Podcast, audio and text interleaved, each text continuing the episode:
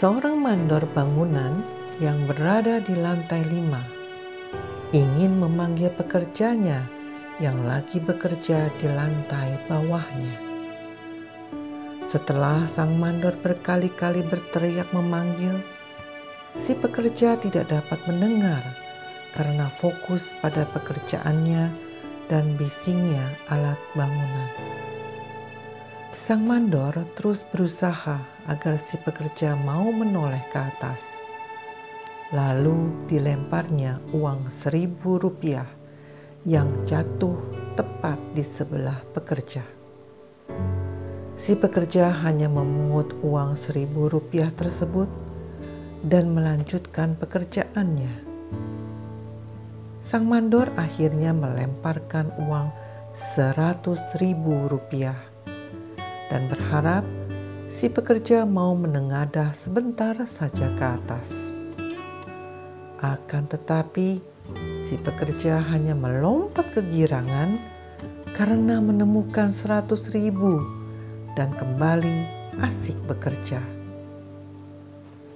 Pada akhirnya, sang mandor melemparkan batu kecil yang tepat mengenai kepala si pekerja.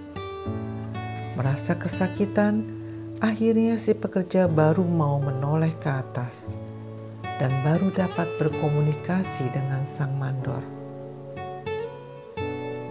Cerita tersebut di atas terkadang memiliki kesamaan dengan kehidupan kita Tuhan selalu ingin menyapa kita. Akan tetapi terkadang kita terlalu sibuk mengurusi urusan dunia kita.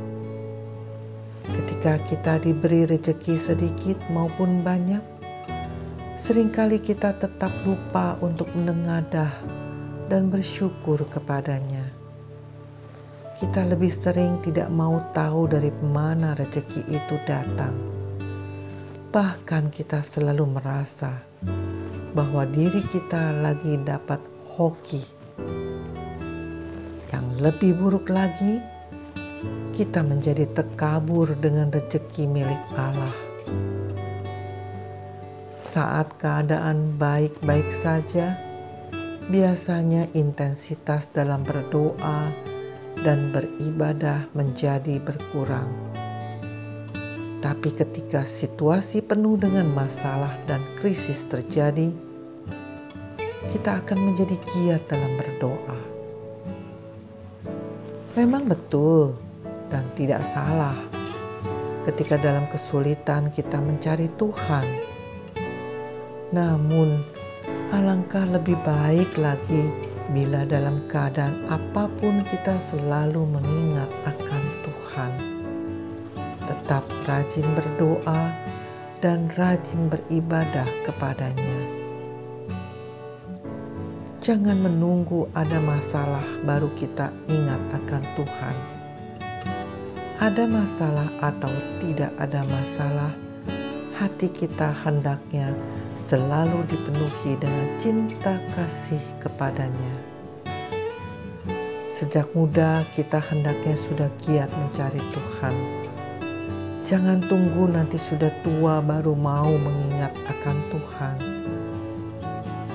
Dalam pengkhotbah 12 ayat yang pertama tertulis, Ingatlah akan penciptamu pada masa mudamu, sebelum tiba hari-hari yang malang dan mendekat tahun-tahun yang kau katakan, tak ada kesenangan bagiku di dalamnya.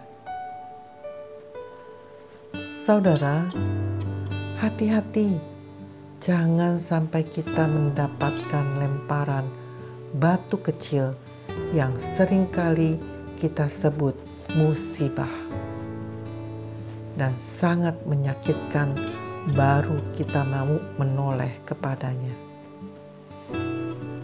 Belajarlah dari Daud dalam Mazmur 77 ayat 11 yang berkata, Aku hendak mengingat perbuatan-perbuatan Tuhan.